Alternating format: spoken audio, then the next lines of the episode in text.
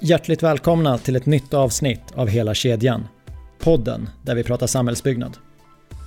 Mitt namn är Nima Asadi och om ni vill komma i kontakt med mig så hittar ni mina kontaktuppgifter på hela-kedjan.se. Det går även bra att ta kontakt via poddens kanaler på Instagram, LinkedIn, Twitter och Facebook. Och genom att följa oss på sociala medier så kan ni både se kommande gäster samt vara med och påverka avsnittsinnehåll. Nu till dagens avsnitt. Söndagen den 15 mars kollade jag på SVT-programmet Agenda. Hela programmet ägnades åt coronaviruset och vi fick höra att det fanns en risk för att Region Stockholms intensivvårdplatser inte skulle räcka mer än en vecka. Jag tyckte att det lät oroväckande då vi verkade vara precis i början av smittspridningen. Men ungefär en vecka senare blev jag däremot lite lugnare när jag läste nyheten om att Stockholmsmässan skulle förvandlas till ett provisoriskt sjukhus. Och detta arbete skulle endast ta två veckor. Ett sjukhus på två veckor? Hur går det till? Nyfiken som jag var hörde jag av mig till Lokum som ansvarat för förvandlingen och frågade om de ville gästa podden för att berätta. De svarade ja och föreslog två nyckelpersoner från projektet som gäster. Jag blev glad och fick svar på alla mina frågor om sjukhuset i Älvsjö samt en hel del annat intressant om ledarskap, projektstyrning och att bygga sjukhus. Låt mig presentera Anders Gidrup och Fredrik Hagel.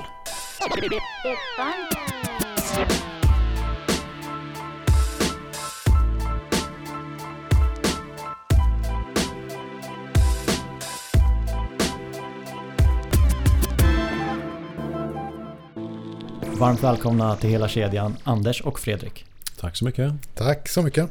Från Lokums lokaler på Södermalm i Stockholm med ett helt okej arbetsavstånd emellan oss här i coronatider. Eller vad säger ni? Ja, det är ju nästan två meter i alla fall. Ja, jag håller med. Det duger bra. Låt oss börja. Vi kör lite kort presentation om er. Vi börjar med dig Anders. Mm. Anders Gidrup heter jag och har jobbat här på Lokum sedan 2014. Jag har en bakgrund från polisen och Försvarsmakten innan jag kom hit till Lokum och även jobbat med sjukvården i väst. Eh, men sedan 2014 jobbar jag här då som säkerhetschef. Fredrik? Eh, jag heter Fredrik Hagel som sagt och eh, jobbar här som projektområdeschef. Jag har jobbat på Lokum i 15 år. Och ja, jobbar byggprojekt då. Har en bakgrund i Försvarsmakten Jobbade fram till 05 som yrkesofficer och sen dess, därefter reservofficer. Projektområdeschef, hur ser en vardag ut? Eh, vardagen ser ut som sådan att man eh, försöker jobba strategiskt med planering av eh, nya projekt men också med de större projekten jobbar liksom för den långsiktiga planeringen av projekten. Eh, sen finns det vissa projekt som man dyker ner djupare i men det är egentligen att eh, samordna de många projekten per projektområde som, som vi jobbar med. Och Anders, vad gör du om dagarna? Ja, jag och säkerhetsenheten vi har en ganska bred palett egentligen. Där, där vi ansvarar för allt från informationssäkerhet, bevakning vid sjukhusen, säkerhetsskydd, krisberedskap och så vidare. Så att eh, ingen dag är den andra lik och det är väl också det som är tjusningen med det här jobbet som när man hela tiden tänker på att ytterst någonstans där på ett sjukhus ligger en patient. Så det gör att det vi bidrar med här i kärnverksamheten känns viktigt på riktigt. Hur skulle ni beskriva Lokums verksamhet? Ja, vi är ju ett företag inom regionen, eller ett aktiebolag inom regionen som spänner över hela regionen från egentligen Norrtälje till Södertälje då i, i syd. Med drygt 30 stycken eh, vårdfastigheter sjukhus som vi ansvarar för både när det gäller drift och förvaltning men också utveckling som Fredrik och projektavdelningen håller på med. Vi bygger ju mycket nytt också. Och ser till att eh, sjukhusen är up to date och att det är en säker drift. Jag tänker också att vi är en av de största fastighetsägarna eller för fastighetsförvaltarna. Vårt grunduppdrag är ju jättestort och det är jätteviktigt för sjukhusen hela tiden, dygnet runt. Jag gick in på Lokums hemsida och hittade den här beskrivningen. Vi förvaltar, bygger och utvecklar 2 miljoner kvadratmeter vårdfastigheter åt vår ägare, Region Stockholm. Genom innovation och samverkan leder vi utvecklingen av de bästa vårdmiljöerna i Sverige. Kan ni ge mig exempel på innovation och samverkan i er vardag? Ja, alltså från min sida, säkerhetssidan här när det gäller innovation då så och även samverkan så har väl jag tagit initiativ till att vi har ett bra samarbete och haft samarbete med Totalförsvarets forskningsinstitut till exempel. När vi har säkrat upp viktig eh, driftinfrastruktur på sjukhusen. Våra skadasystem till exempel. Eh, vi har ett tätt samarbete med eh, övriga regioner genom samverkan inom en förening som heter Sjusäk som är en, en konstellation av alla säkerhetschefer i övriga regioner där vi utbyter erfarenheter och eh, innovationer med varandra för att optimera arbetet. För att ta några exempel. Ja, inom bygg så känner jag väl egentligen att eh, en av de grejerna som vi gör det är ju att vi, vi är ju så stora beställare i eh, Sverige och regionen. Så att vi har ju möjlighet att prova att samverka på olika sätt. Vi behöver inte statiskt göra på ett sätt utan beroende på hur projekten ser ut så gör vi på olika sätt. Det kan vara att vi gör samverkansprojekt och sen så gör vi de mer konventionella metoderna också med totalentreprenader och, och genomförande entreprenader. Så det är ett sätt. Sen innovation eh, så kan jag väl känna att eh, det är samma sak där, precis som Anders beskrev. Så, så är vi stora, vilket gör att vi kan prova olika saker. Vi, kan ha, vi har specialister som eh, har en möjlighet att avsätta en mindre del av våra pengar och, och prova för att hitta bättre sätt att drifta våra sjukhus i framtiden. Men också att eh, bygga dem. Prova. Låter spännande i sjukhusmiljö. Ja, precis. Men man, man, kan ju prova på vägen och man kan ju simulera. Så det, det, det, funkar ganska bra, skulle jag säga. Jag tycker också att vi är en ganska bra organisation på att uppmuntra till initiativ och, och idéer inom Lokum. Där till exempel vi har haft innovationssprinter där man samlar kompetens från företagets alla olika delar och liksom försöker hitta eh, nya sätt att angripa problem på eller lösningar på och sådär. Så att eh, jag tycker att det finns hela tiden med det här med innovativt tänkande på Lokum. Jag har personligen aldrig varit involverad i ett sjukhusprojekt. Utifrån kan jag tycka att det, det låter jättehäftigt. Ni som jobbar med det i er vardag, hur skulle ni beskriva skillnaderna mellan ett sjukhusprojekt, då tänker jag nybyggnation, kontra ett mer traditionellt projekt? Eh, jag tycker en av de stora skillnaderna är att vi bygger för lång tid framåt. Eh, det är eh, robusthet vi pratar om när vi bygger nytt. Så är det ju med de gamla byggnaderna också, men nu är det nytt, ny teknik. Så en robust, robusthet, att det ska vara flexibelt. Och då är det lagom flexibelt, för det finns ju ekonomi i botten också. Och sen att vi eh, behöver anpassa oss till sjukvården. Så att vi bygger inte byggnaden för byggnaden själv. Eh, och det gör man ju inte normalt sett heller. Men här försöker vi anpassa oss väldigt riktat mot sjukvården. Vilket gör att eh, den samverkan eller det samarbete som vi behöver ha med, med de som ska flytta in behöver vara bra. Du nämner ordet flexibelt. Vad innebär det i sådana här sammanhang? Ja, flexibelt. Jag kan ju ta en parallell med, med eh, covid-19 som vi kommer in på lite senare. Det är ju exempelvis att vi har byggt en operationsenhet ute i Huddinge som heter Chopin. Och hela det plan 5 i den byggnaden är ju byggt för operationssalar. Men nu när det blev covid så ställdes den byggnaden om, i alla fall den, den, det våningsplanet, till IVA-platser. Och då är det ju flexibelt att med, med ganska enkla medel, några eh, inställningar på fastighetstekniken så lyckas man ändå prestera IVA-platser istället för operationssalar. Att man behåller planlösningen men ja. använder det till annan funktion? Ja, att man eh, programmerar om eller ställer om förutom det som vården själva gjorde. Och det ser vi också ett exempel på på övriga sjukhus här. Vi går ju alltså från drygt 90 IVA-platser till det tredubbla här på väldigt kort tid. Där samtliga sjukhus eh, har nyttjat den här flexibla möjligheten att bygga ut vården och, och där Lokom har assisterat. När jag tänker lite fritt i mitt huvud så tänker jag att en, om man har en magnetröntgenmaskin i ett rum så är det säkert lite speciella regler på vad de där väggarna ska släppa igenom och inte. Mm. Annars så är det väl ventilationen som styr? Eller finns det fler viktiga parametrar? Nej, det beror ju på vad lokalen är, är Eh, projekterad på från början här. Va? Men man tittar ju när man byggde ut IVA-kapaciteten så i nära samråd med Lokum förvaltning och projekt så har man ju tittat vilka möjligheter som möjliggör den här flexibla lösningen. Så det finns med där. Men en magnetkamera flyttar man ju inte på hur som helst naturligtvis inte. Men ventilation är en viktig parameter som man har haft hänsyn till när man har gjort den här utbyggnaden av IVA-platser. Nu kom ju ni in själva på när ni gjorde om i samband med covid-19. Men även utan pandemier så finns det ju en del om och tillbyggnader av sjukhus i drift. Och då tänkte jag fråga utmaningar med att man har igång en verksamhet som absolut inte får stå still. Ja, eh, utmaningen för ett byggprojekt där, eh, det är ju att man bygger om i pågående vårdverksamhet.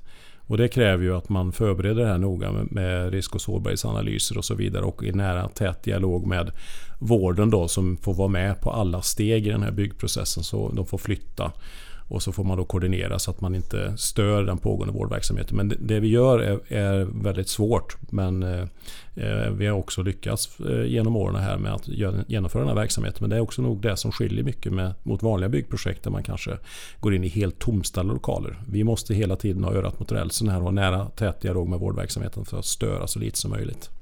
Hur ser er process ut? Säg att vi ska bygga ut ett sjukhus. Södersjukhuset ska bli större. Mm. Du, du nämnde Anders eh, mm. att risk och sårbarhetsanalyser. Hur lång tid före byggstart gör man det? Kan ni ta mig igenom en planeringsprocess? Ja, men en om och tillbyggnad eh, innan man sätter spaden i jorden på en utbyggnad av ett sjukhus. Eh, lite grann som de större om och tillbyggnaderna vi har gjort nu på slutet, de sista åren. Så är det tre, fyra år av planering och att ta fram målbilden och att eh, gå igenom de politiska besluten innan man sätter ner spaden i backen. Ett mindre ombyggnadsprojekt eh, där man kanske bygger om en vårdavdelning. Då kanske du har en eh, 9-12 månader innan, innan du sätter spaden i backen av beslutsprocess och projekteringar, upphandlingar. Så det, det är lite skillnad. Det kan ju vara, ta ännu längre tid. Det kan ju vara så att man behöver flytta verksamheter för att möjliggöra den här distansen när man bygger om och liknande också. Ibland är det detaljplaner som behöver justeras. Fredrik, i inledningen nämnde ju du Chopin. Ja. Huddinge sjukhus. Vad gjorde ni där? Eh, Chopin-projektet är ett eh, ny och ombyggnadsprojekt. Ett ganska stort ny och ombyggnadsprojekt. Med en tillbyggnad eller nybyggnad på 28 000 kvadratmeter. Och sen har vi byggt om befintliga avdelningar som ligger vägg i vägg med nybyggnaden på ungefär 7-8 eh, 000 kvadratmeter. Någonstans däremellan. Och när bygget börjar då? Är allting låst i sedan genomförandebeslutet? Eller hur ser den processen ut när man jobbar med sjukhus? Ja, då är väldigt mycket låst av det som är styrande förutsättningar. Sen kan det vara så att man inte detaljprojekterat allting utan man har en del saker finns i en, eh, inte en skiss utan mycket längre gånget. Men det, förutsättningarna finns där för att kunna göra detaljprojekteringen. För annars blir, det, annars blir det svårt eh, när vi hanterar regionens pengar med långa planeringar och liknande. Ja, det är många som slåss mot den utmaningen i det dagliga i, i branschen. Ja, så är det. Hur skulle ni utvärdera Chopin-projektet? Hur gick det? Eh, Chopin-projektet är knappt som man vill utvärdera det själv så och sätta det på pränt. Men eh, det var, har varit ett väldigt lyckat projekt. Eh, det har varit ett stort projekt med väldigt många inblandade och många engagerade parter. Eh, vilket den... Ja, det är väl egentligen eh, det sättet vi valde att leda det här projektet som kanske gav den möjligheten. Och sen att vi hade tur med, med de parterna vi fick in så har det fungerat bra. Var det ett nytt sätt att leda projekt på som ni provade nej, det är inte ett nytt projekt, ett sätt att eh, leda på utan eh, det, det är alltid de inblandade individerna på något sätt som, som, som gör hur det blir exakt på slutet. Eller hur, hur det blir. En sak jag undrar är hur intresserade är de andra regionerna när ni utför 28 000 kvadrat om och tillbyggnad? Hör de av sig och vill veta hur det gick? Hur sprider ni informationen? Du var inne på det Anders. Ja, alltså eh, vi har ju... Eh, det är ju återkommande utbyte mellan regioner naturligtvis. Och Chopin-projektet, eh, jag är inte i detalj insatt i hur regionerna har ställt sig till det. Men vi har också en bra kommunikationsavdelning som sprider information vad vi gör också i samråd med sjukhusen här. Och det brukar generera en del frågor från andra regioner.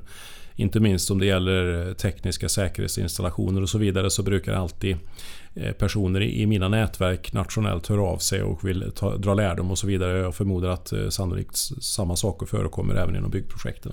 Mm. Jo men det kan jag bekräfta. Jag tror att um, när vi byggde om nya Södertälje sjukhus, eller alltså byggde om den delen och byggde till, då hade vi nog säkert en 50-tal studiebesök. Och Chopin-projektet eh, har nog varit lite fler eh, studiebesök. Och där har ju vi våra studiebesök men sen har ju vården sina studiebesök för det är, det är ju det är en utveckling av verksamheten också. Så att det är en, och ibland så har vi dem tillsammans, de här studiebesöken. Och ibland så blir de eh, för, för riktade mot den ena delen. När jag kollade era CVn inför det här samtalet såg jag att du Fredrik, du har varit på Lokum sedan 2005. I 15 år. Och en fråga som jag kände att den här vill jag ställa direkt. Och du får ju avgöra själv eh, om den är lätt eller svår att svara på. Men 15 år. Har det hänt någonting med hur Lokum driver projekt? Och då tänker jag på eh, kraven, upphandlingen, eh, produktionsstyrningen. Har det förändrats? Och om det har det, på vilket sätt? Det var många frågor samtidigt. Men man kan börja med att säga att regionen, det var ju landstinget förut, eh, hade ingen generalplan för sina eh, större behov av ombyggnationer på sjukhus eller tillbyggnader. Och där har ju det som kallas framtidsplanen underlättat när man tog ett lite större tag över hela regionens eh, behov. Och utefter det så har ju det rullat på kan man väl säga med de här stora eftersatta behoven av utbyggnader, och ombyggnader, eh, också bäst, bättre robusthet. Eh, men då gick vi kanske från en, en eh, projektomsättning kanske på 400-500 miljoner till så när vi var uppe på 5 miljarder, eh, 5 000 miljoner här de, de toppåren. Nu är vi på väg att plana ut och, och gå ner i om, omsättning på de stora projekten. Men det är ju en stor förändring och för att göra det så är det klart att då måste man förändra sättet som man driver projekt också. Det, det, kommer med automatik till viss del. Men ett sätt som jag kan säga, mm, jag tror många tycker är roligt, det är ju ett mer agilt sätt att arbeta. Där man lägger mindre tid på, på det som är runt möten mer, och egentligen mer kopplade till det man behöver besluta på ett möte. Exempel? Ja, men eh, exempel är att um, formalia kring ett möte tar mindre tid och besluts, uh, beslut, viktiga beslut uh, lägger man mer tid på. Och man kanske har tätare möten. Uh, du kanske har beslutsmöten och sen så har du arbetsmöten som vid sidan av istället för att ha dem ett och samma på samma möte. Intressant. Det är nog många som drar sig i håret över för långa ineffektiva möten i vardagen. Ja, en, en annan sak är ju att vi har fått hela den här det som kallas eh, BIM eller eh, att man har fått teknikstöd för att samla eh, ja, ritningar och data kring byggnationerna på ett bättre sätt, att samordna dem på ett, på ett effektivare sätt. Det har ju skett under den här perioden också. Vilket har gjort det till viss del att vi har bättre information under bygget men vi har också bättre information om, om byggnaderna efter bygget. Ja, det där är en jättemöjlighet. Det var min väg in i branschen att jobba med BIM. Så jag har sett möjligheterna från första parkett. Mm. Och också kanske hur de inte nyttjats i Precis, jo, men det, är, det är väl den viktiga det, det, är väl den utmaningen som är. Nu har vi liksom köpt eh, massor av dyra fina ritningar eh, i, som finns dokumenterade på många olika sätt. Det gäller att använda dem också. Jag hittade ännu ett citat. Det är från dig Anders. Jag läser upp det lite längre. Ett sjukhus är en komplex fastighet. Här finns många tekniska system som måste fungera dygnet runt, året runt för att den livsviktiga vården ska kunna bedrivas. Vi bedriver förvaltningen av våra vårdfastigheter systematiskt med en väl fungerande skötsel och drift som bas. Mm. Ja, det är en komplex fråga. Eh, ett sjukhus idag eh, skulle jag vilja likna som ett eh, minisamhälle i samhället med en hel del beroenden. Och för att få det här att fungera så finns det en hel del vital teknik som måste gå dygnet runt årets alla dagar för att man ska kunna bedriva den här livsviktiga vården och ytterst någonstans som jag nämnde inledningsvis så är det en patient som ligger på en säng och det innebär då att vi har eh, ventilation som är livsviktig för inte minst operationssalar. Vi har reservkraft ifall ordinarie inkommande kraft eh, slås ut eller störs ut på något sätt vilket inte händer allt för Eh, eh, ovanligt. Eh, alltså det händer titt som tätt att normal kraft lägger av i samhället. Det ser vi ju dagligdags nästan runt om i landet. Och då är det viktigt att vi har en reservkraft som kan kicka igång då och säkerställa att vården så lite som möjligt känner av det här utan kan fortsätta sin verksamhet utan störningar. Och sen har vi också alla våra kritiska beroenden, andra kritiska beroenden som sjukhuset behöver ha för att rulla. Och det är ju till exempel då vatten som är ett stort behov. Där ett normalt akutsjukhus kanske förbrukar en 14-15 kubik i timmen bara för att säkerställa att allting fungerar inne på sjukhuset.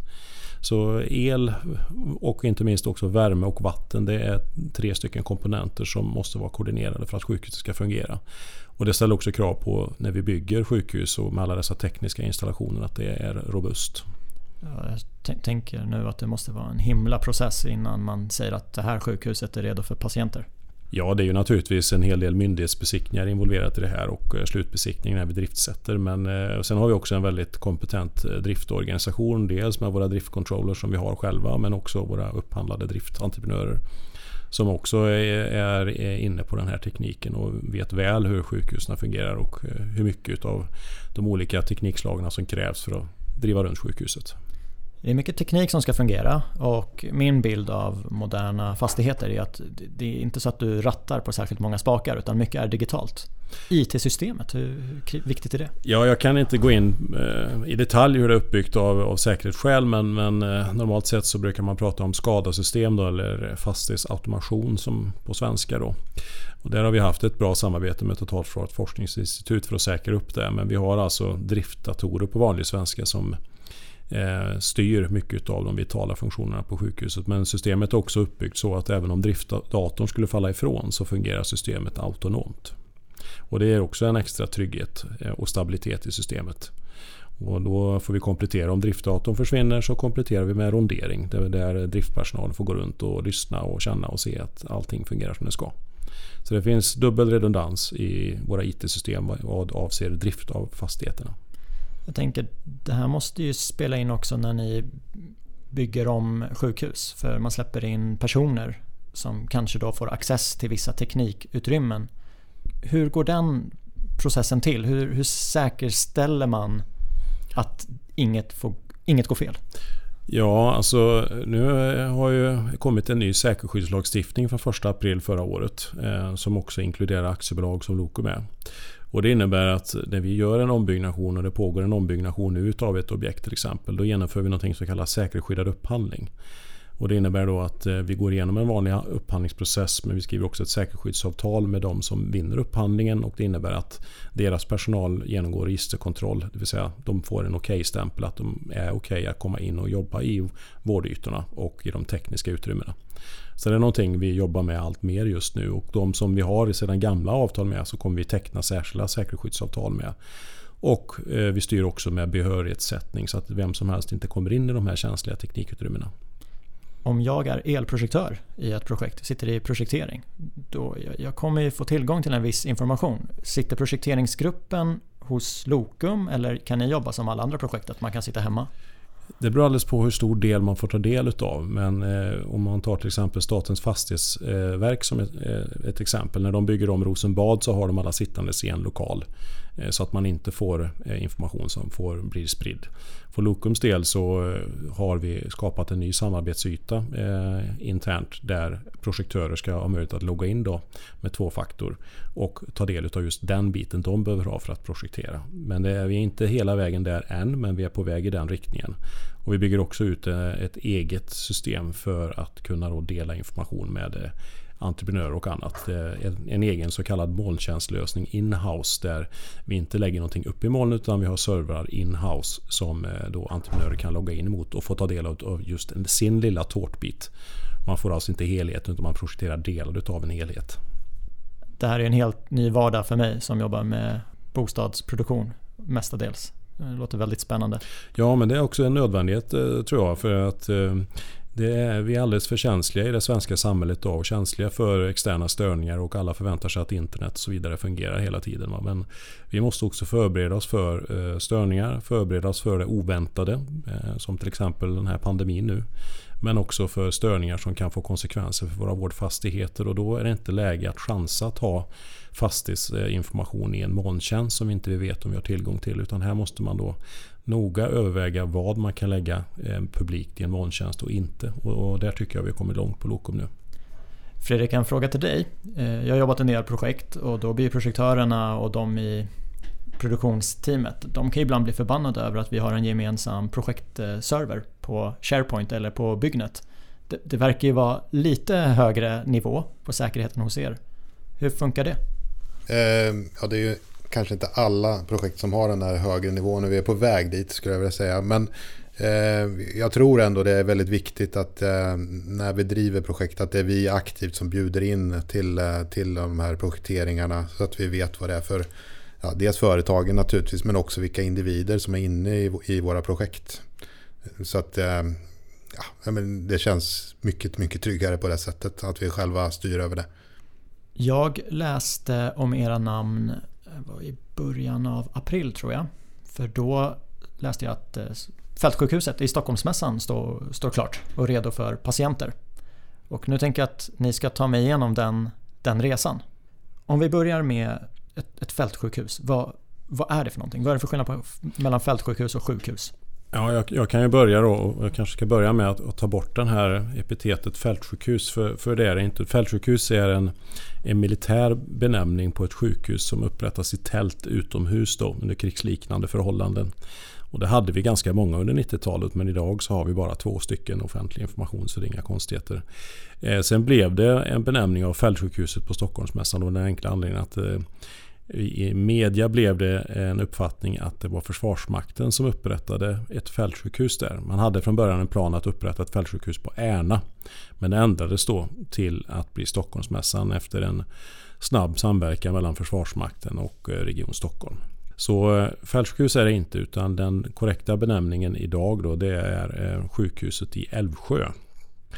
Eh, och den här processen tog, började egentligen eh, runt den 18 och 19 mars när en eh, grupp läkare samlades för att diskutera eh, vad är det man behöver ha för att kunna vårda covid-19 patienter. Och det som var på tapeten då det var att man hade gjort beräkningar att det fanns risk för att intensivvårdsplatserna i Region Stockholm skulle ja, inte räcka till utav initiala prognoser och beräkningar. Och då hade man samlat den här läkargruppen som hade stor erfarenhet av att jobba internationellt i olika katastrofer och annat. Och de började skissa på eh, en modul eh, med riklig tillgång på syrgas och så vidare. Och tanken var också att eh, få skulle kunna vårda många.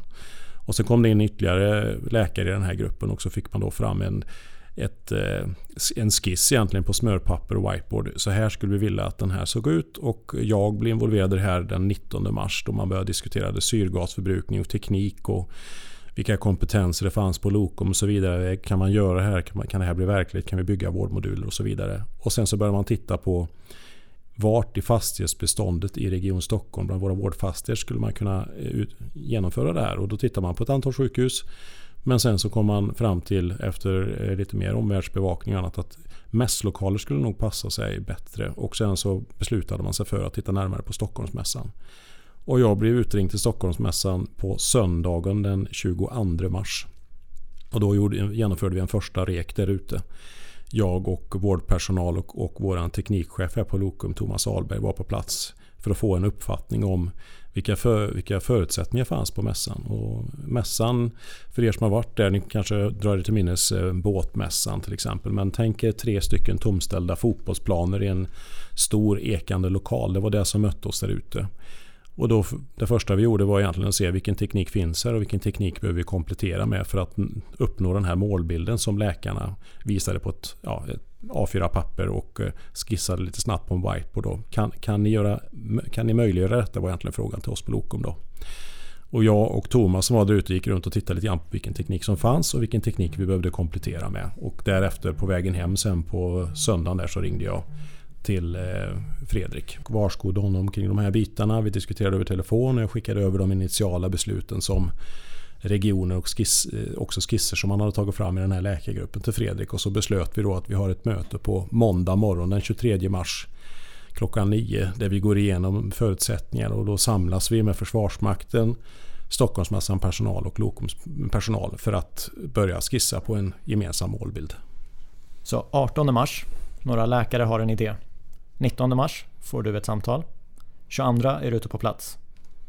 Och 23 så börjar ni skissa på hur ni ska förverkliga det här. Exakt. Och eh, då var en av läkarna med från den här läkargruppen.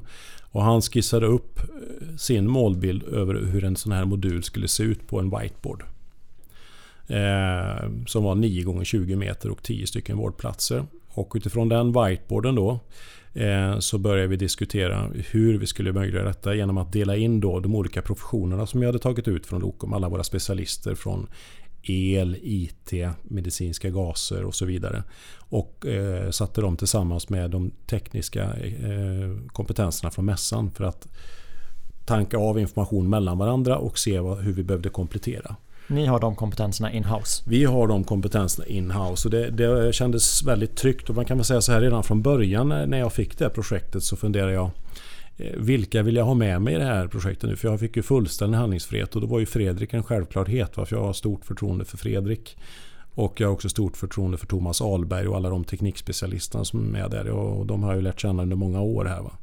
Så vi, vi tog hit egentligen all den kompetens vi behövde ha för att komplettera Stockholmsmässans teknik för att vi skulle kunna anpassa den tekniken och skapa de förutsättningar som krävs för att bygga en vårdmiljö.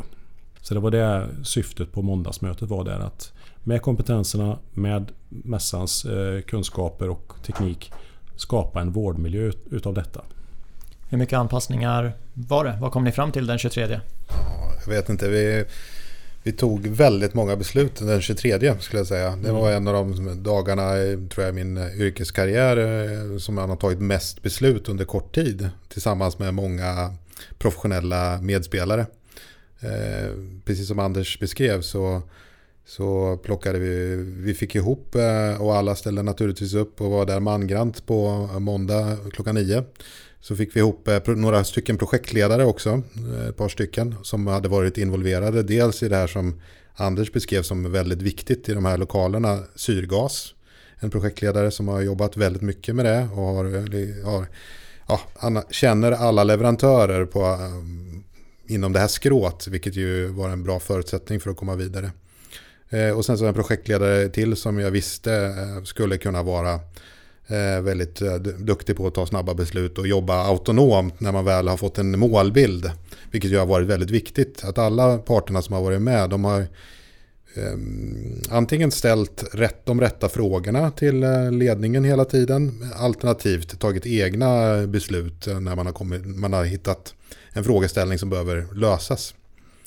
Eh, men om man tittar på det som vi behövde göra så var det ju, det var ju att få den där modulen som Anders pratar om, att få den fixt på plats. Eftersom vi hade så kort tid på oss, en vecka att bygga det här, i alla fall de första 140 platserna, så var det att så fort som möjligt kunna börja bygga. Dels eh, att få en, eh, en ritning som inte började röra på sig hela tiden, för då är det svårt att börja bygga. Och sen så få lägena för de tekniska systemen som vi visste att vi behövde. För det visste vi ganska snabbt vilka tekniska system vi skulle eh, behöva ha på plats. Se att förutsättningarna fungerar för den här vårdmodulen. Återigen. Och, och sen egentligen hitta lösningar för respektive tekniskt system. Så att vi kunde börja så fort som möjligt. Eh, och alla de här besluten eh, gjordes ju mm, hela tiden eh, eh, agilt och parallellt. Och alla, alla som var med där, de ställde de rätta frågorna i rätt ordning. Vilket gjorde att man började inte prata om krokarna som skulle vara i vårdmodulerna. Utan man började med systemen som skulle bäras fram till de här vårdmodulerna. Eh, och vi fick en, en fixt eh, placering av vårdmodulen ganska snabbt. Vi valde eh, ett material att bygga med. Och det var ju mässans väggar som de är vana vid att sätta upp snabbt och som fungerade. Det fanns några olika varianter av de här och vi valde en som vi trodde på som skulle fungera. Eh, och det kunde vi göra. Vi byggde upp en, en liten del av en mockup eh, för att kunna välja ut det. Och det gjorde vi på bara några timmar så hade vi en möjlighet att välja någonting som sen höll hela vägen ut sen. Vilket var bra, mycket mm. bra.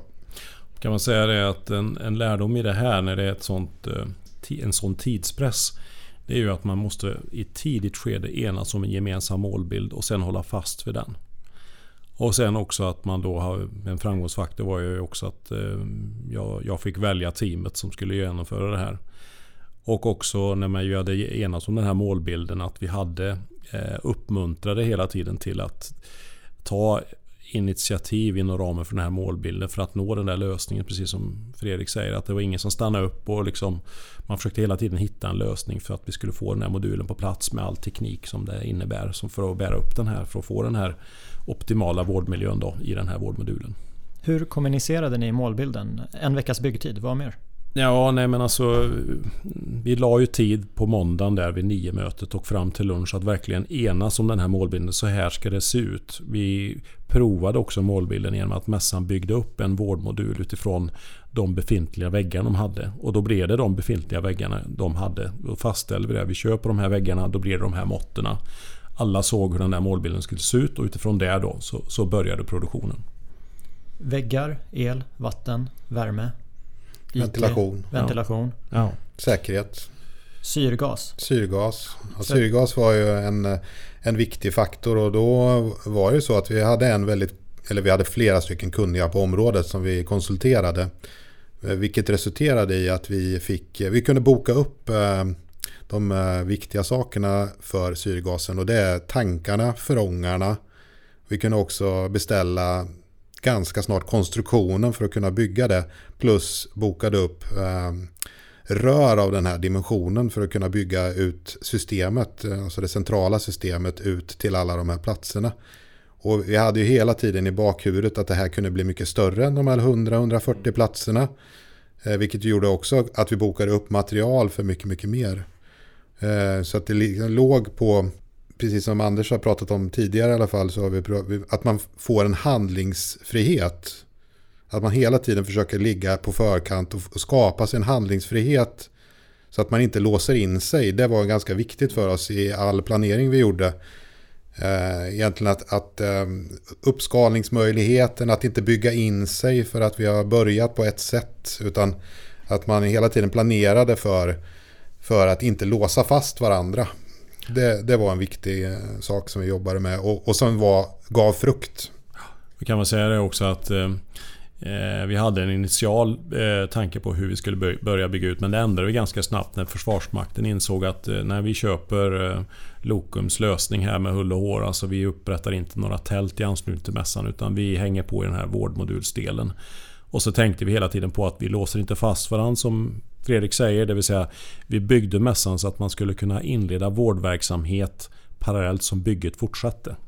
Så det fanns liksom en logisk följd i allting utan att vi låste oss fast och blockerade någonting. Och det blev ett framgångsrikt koncept. Och det innebar också att eh, för att liksom styra den här skutan så valde vi också att ha ganska täta avstämningar tre gånger om dagen där, där respektive profession då, om det nu var gas eller om det var el, fick redovisa vart man stod någonstans i projektet vad man hade för eh, avgörande beslut som man krävde från oss i programledningen då att fatta och eh, övriga frågor man då hade för eventuellt fortsatt eh, arbete. Då. Så den här täta avstämningen gjorde också ett ganska högt tempo och den täta avstämningen innebar också att alla hade samma målbild och alla hade samma lägesbild. Det skulle nog fler projekt må bra av. Nu sa jag lite av el och vatten. Jag ska lägga lite siffror på det. Mm. 9 km kopparrör för gas. 4 km ventilationsrör och 5 km avloppsrör. Ja. Det, det, är inte lite. Nej, och det är ju...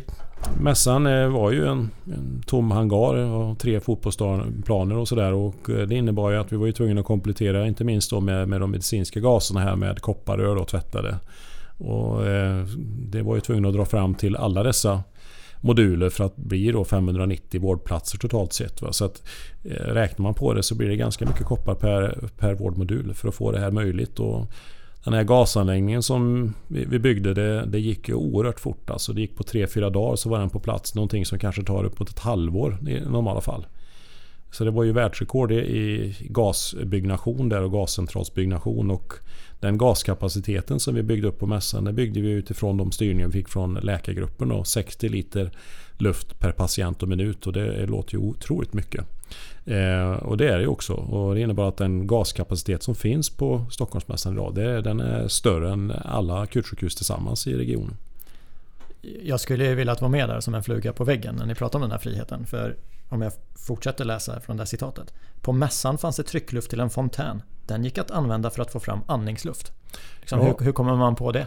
Ja, då är vi inne på det du pratade om initialt här med innovation på Lokum. Och, och eh, om man då tar Thomas, eh, Thomas Ahlbergs specialister här och, och, sätter dem i dialog då med mässans tekniker här som belyser att det finns tryckluft på mässan. Ja, andningsluft är också viktigt. Och då gjorde man ju så att man använde den här tryckluften och då får ju Stockholmsmässan ursäkta då att vi släckte ner fontänen utanför. Men man byggde om den helt enkelt till andningsluft och satte in de filter som krävs och fick den anläggningen besiktigad. Och det var ju ett exempel på hur, hur man då nyttjar tekniken och är in, innovativ i situationen. Hur många var involverade i, i projektet? Ni har nämnt mässans egen personal, ni har nämnt Försvarsmakten, Lokums experter. Ja, det varierade över tid men alltså när det var som mest personal där ute så var det drygt 400 som var ute och jobbade. Och då inkluderar jag hemvärnets personal, Försvarsmaktens hemvärn då. Eh, mässans personal, mässans underentreprenörer och eh, våra eh, Lokums personal och de här avstämningarna tre gånger om dagen, samlades alla 400? Nej, hur gick det till? Nej, det, det hade inte varit bra i coronatiden naturligtvis. Utan vi, vi tog då de som var gruppchefer som jag utsåg, det vill säga gruppchefer som ansvarig för respektive profession samlades. Och sen hade vi de här täta avstämningarna och sen i sin tur så gav de med sina direktiv till sina medarbetare. Så att vi kanske var ett 30-tal som samlades eh, tre gånger om dagen i en stor hall och hade avstämningar.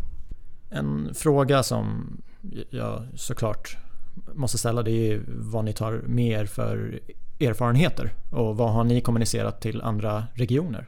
Om de ställs inför samma situation med att herregud, vi har för få IVA-platser. Ja, vi har precis färdigställt en projektrapport här nu som ni kan få ta del av alla som lyssnar på podden här sen. Men Eh, många regioner har hört av sig, inte minst då eh, regioner som ännu inte så kommit så långt i, i det här sjukdomsförloppet. De vill ju gärna veta hur mycket syrgas respektive patient förbrukar. Då. Och där har vi en tät dialog med dem och vi har också gjort egna beräkningar utifrån eh, platsbeläggningar på sjukhusen och de, den utbyggnad av eh, syrgas vi gjort på sjukhusen. Så det förser vi dem med. Men en viktig erfarenhet ur det här projektet egentligen som jag ser det, det är väl Normalt sett har vi kanske inte så snabba tidsförhållanden men jag tror ändå så att man kan ta med sig lite grann kring mötesstruktur och hur man eh, går igenom olika moment, olika professioner och så vidare. Jag uppfattar den, den mötesstrukturen vi hade och den återrapportering som vi hade dagligen som väldigt effektiv. Det var få möjligheter till missförstånd där utan alla hade en klar målbild genom projektet. Jag vet inte, vad säger du Fredrik om det? Ja, jag känner att eh, vi, vi hade ju, satt ju ganska tidigt en stabsarbetsplan som vi kallar det. Som blev ett, eh, kom sig, då blev det ett stabsarbetshjul som blev återkommande. Som vi, gjorde att det fanns en möjlighet för alla att samla på sig de här frågorna. Träffas och ta de korta avstämningsfrågorna tre gånger per dag.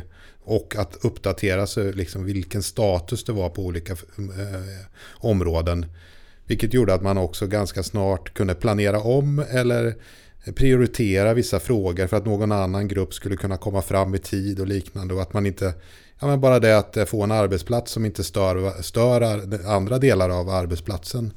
Eh, det gjordes eh, kontinuerligt och alla medlemmar som jag har pratat med som var med där ute så är det en av de sakerna man verkligen lyfter fram. Det är mötesstrukturen, eh, alltså den den effektiva mötesstrukturen och beslutsstrukturen. Men ni var inne på, det här är ett sjukhus. Det är inte ett fältsjukhus. Fredrik, du nämnde att snabba beslut. Du funderade på om du någonsin tagit så här många beslut mm. under en och samma dag.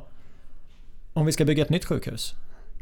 Vill man jobba på ett annat sätt? Nu ska vi inte jobba ihjäl oss men jag känner så här, och när man har varit med om någonting i det här tempot och vet vad som är möjligt. Hur går man tillbaka till som man brukar göra? Utan att vara frustrerad menar du hela tiden? Ja. Det var det du som sa det? Ja. ja. Nej, men jag tror att det är, det är ju så att ehm, jag tror att många av oss som jobbar där ute på sjukhuset är, är vana att kanske ha en ganska eh, Eh, effektiv egen beslutsprocess. Men vi är så professionella på det vi gör. Vi har gjort så många olika eh, sjukhusprojekt och det var också därför vi var väldigt effektiva när vi var där ute. För vi visste vad vi skulle göra. Sen så är det ju så att i den dagliga avstämningsbasen där det är många flera intressenter som vill vara med och vrida och vända och ett sjukhus ska stå i 50 år så är det klart att man kanske behöver förankra saker och ting lite mer än när vi ska bygga Eh, en modul och sen ska vi återupprepa den så många gånger som möjligt. Vilket ju vi gjorde i det här fallet. Vi, valde ju att verkligen inte anpassa någonting egentligen utan försöka bygga det här i en serieproduktion. Och att vi lyckades få den här modulen så bra som möjligt från början och det gjorde vi också. Men eh, jag tror att eh, eh många som kommer därifrån kommer att ta till sig den här eh, Eh, att våga ta egna beslut eh, är ju väldigt viktigt. Förankra de sakerna där man känner sig lite tveksam. Men komma med lösningar. Inte komma med frågor som någon annan ska hitta lösningen på. Utan du kommer med frågeställningen. Du har åtminstone en lösning, kanske två lösningar som du föreslår och för att få en avdömning. Vilken väg ska vi gå? Det tror jag är en, en jätteviktig fråga. Istället för att man lämnar till den beslutsfattaren som sitter som en flaskhals att dessutom hitta på en lösning på eh, en, fråga. Den lösningen har man ju oftast själv när man går dit och ställer frågan.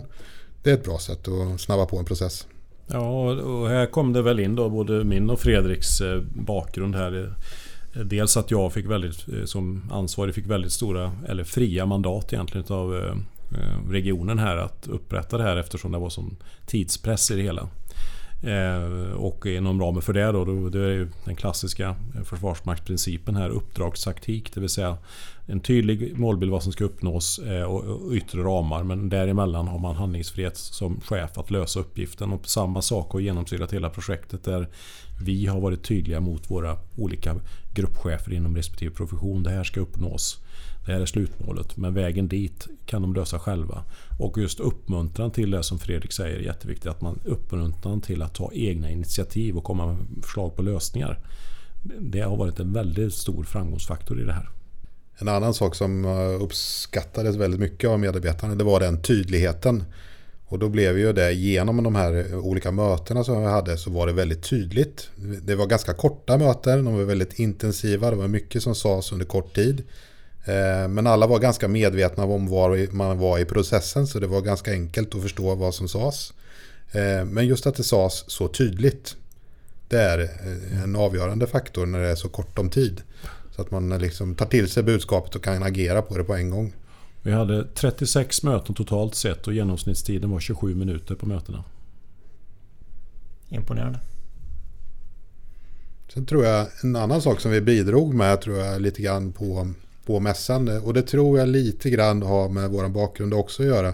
Det var att vi insåg ganska snart att de personerna som jobbar här ute de är vana vid att jobba ganska intensivt under en kort period men inte under en längre period.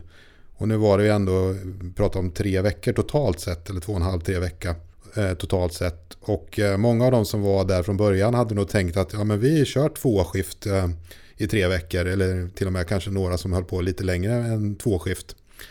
Eh, men vi lyckades eh, liksom försöka förklara för dem att eh, vi behöver nog ha några avbytare. Vi behöver vara några flera på arbetsledningssidan så att vi fick in dels kanske några företag till som kunde stötta upp men också några arbetsledare så att de här viktiga personerna kunde gå hem och sova också mellan varven. Alla var ju så väldigt engagerade och var, liksom ville knappt gå hem. Vilket ju inte, det är inte alltid att det är på det sättet, men så var det här. Och det tror jag var någonting, just den här kontinuiteten men ändå liksom att vi kunde hålla den under en lång tid. Det tror jag vi bidrog till lite grann.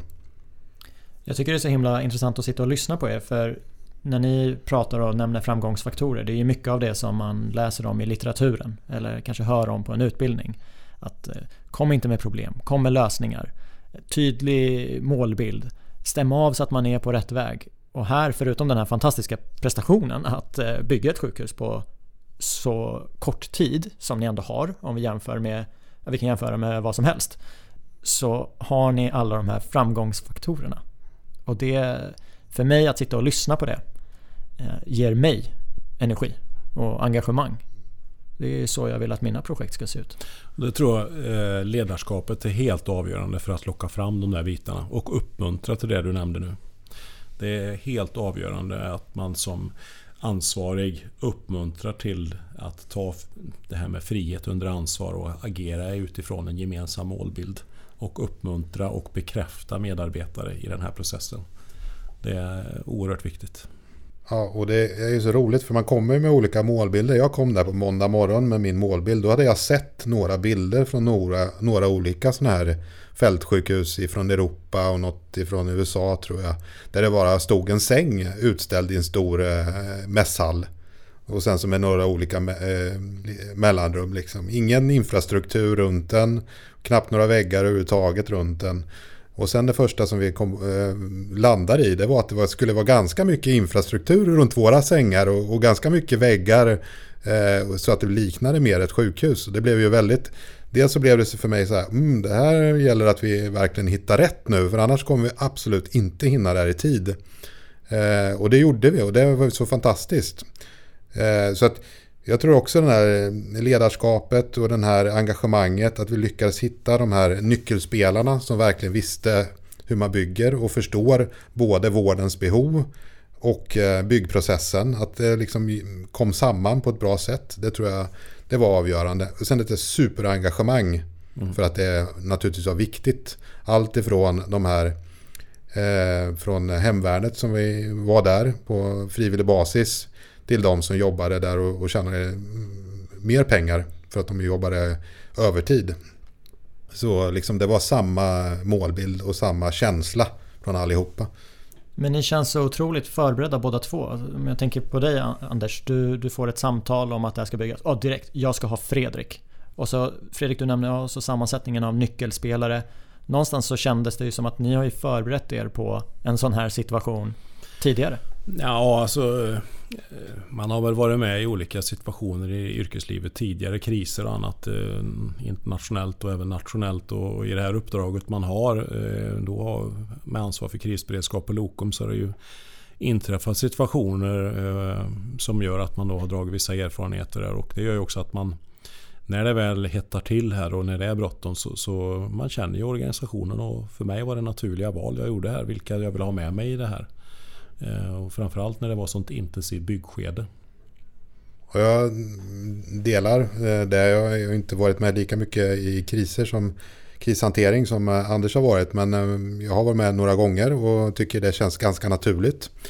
Jag har också varit med ett antal gånger när man har satt ihop en internationellt sammansatt stab där man redan efter några timmar har ett eh, fungerande orderarbete. Där man kan lyckas prestera utifrån en sammansatt stad med, eh, stab. Med människor som inte känner varandra innan men har ett liknande eller identiskt orderverk som man arbetar efter.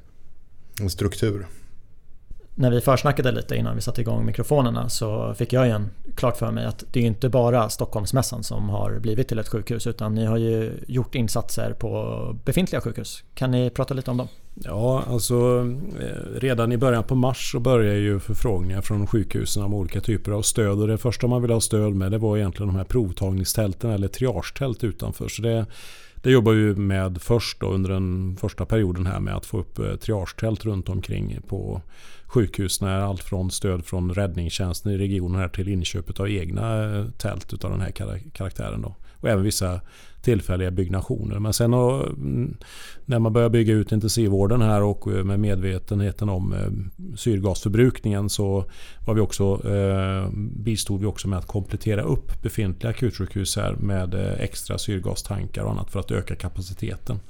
Så det har varit en intensivt arbete sedan början på mars egentligen. Här. Då har ni ökat kapaciteten under en tid då det varit väldigt högt tryck. Ja, det stämmer bra det. Precis, så att eh, egentligen varje morgon här så har vi haft eh, ett liknande stabsmöte som vi haft på mässan så har vi haft det på flera stycken av de här sjukhusområdena. Så till exempel på Huddinge har vi utökat eh, många IVA-platser för att byggnaderna har tålt att göra det. Eh, och då är det framförallt på syrgas kanske vi har haft fyra, eh, fyra delprojekt bara där. På Århus platser har varit ett, ett par tre stycken också. Eh, eh, så att det har varit eh, ganska mycket. Och ställa om ventilationen har varit ett, en, en, en av delprojekten så att det passar liksom för de lokalerna som man tar i bruk. Så att det passar för covid. Och parallellt också svara på frågor från andra regioner. Jag nämnde tidigare här men övriga regioner är ju fundersamma kring hur mycket syrgas det går åt. Och där kan vi också svara att vi vet nu med evidens att syrgasförbrukning är mellan 4 till 5 gånger mer än normalt eh, under covid-19-vård. När vi satte igång det här avsnittet så hade jag en plan att eh, ställa en inledande fråga. Men hur har er vardag förändrats sedan mitten på mars? Ganska mycket kan vi konstatera en timme senare. Ja, men, men, samtidigt så, så känns det att det man har gjort här nu det är att man har bidragit till att eh, bistå regionen i en svår situation så att sjukhusen har mäktat med att kunna hantera den, den belastning man har haft. Och vi har skapat den här krockkudden skulle jag vilja säga för regionen ifall IVA-platserna och vårdplatserna inte har räckt till och då hade man haft en rejäl eh, beredskapsresurs att ta till med mer syrgaskapacitet än hela regionen tillsammans. Så jag känner stor tillfredsställelse över att ha fått bidra med det här. Och även om det nu inte kommer tas i bruk så känner jag ändå så att vi har skapat någonting som vi kan åter, återskapa igen om det skulle bli en sån situation eller kommer tillbaka en pandemi eller någon annan händelse. Nu finns kunskapen där, vi har ritningarna klara och vi har också visat att Stockholm kan hantera en sån här sak om det väl händer igen. Jag kan skriva under på tryggheten. Jag blev ju mycket lugnare när Stockholmsmässan stod klar till exempel.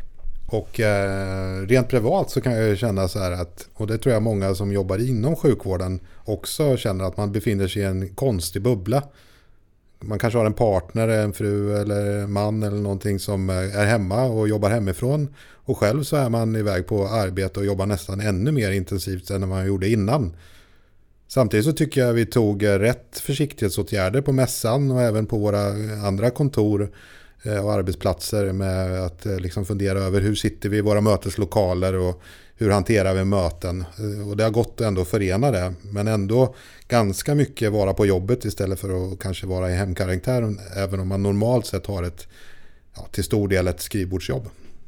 Jag skulle vilja tacka er för att ni tog tiden och berättade det här för mig och för lyssnarna. Jag är riktigt imponerad och eh, jag hoppas ändå att ni får en lite lugnare vardag framåt sommaren. Mm, tack, tack så mycket. Tack så mycket. Depan.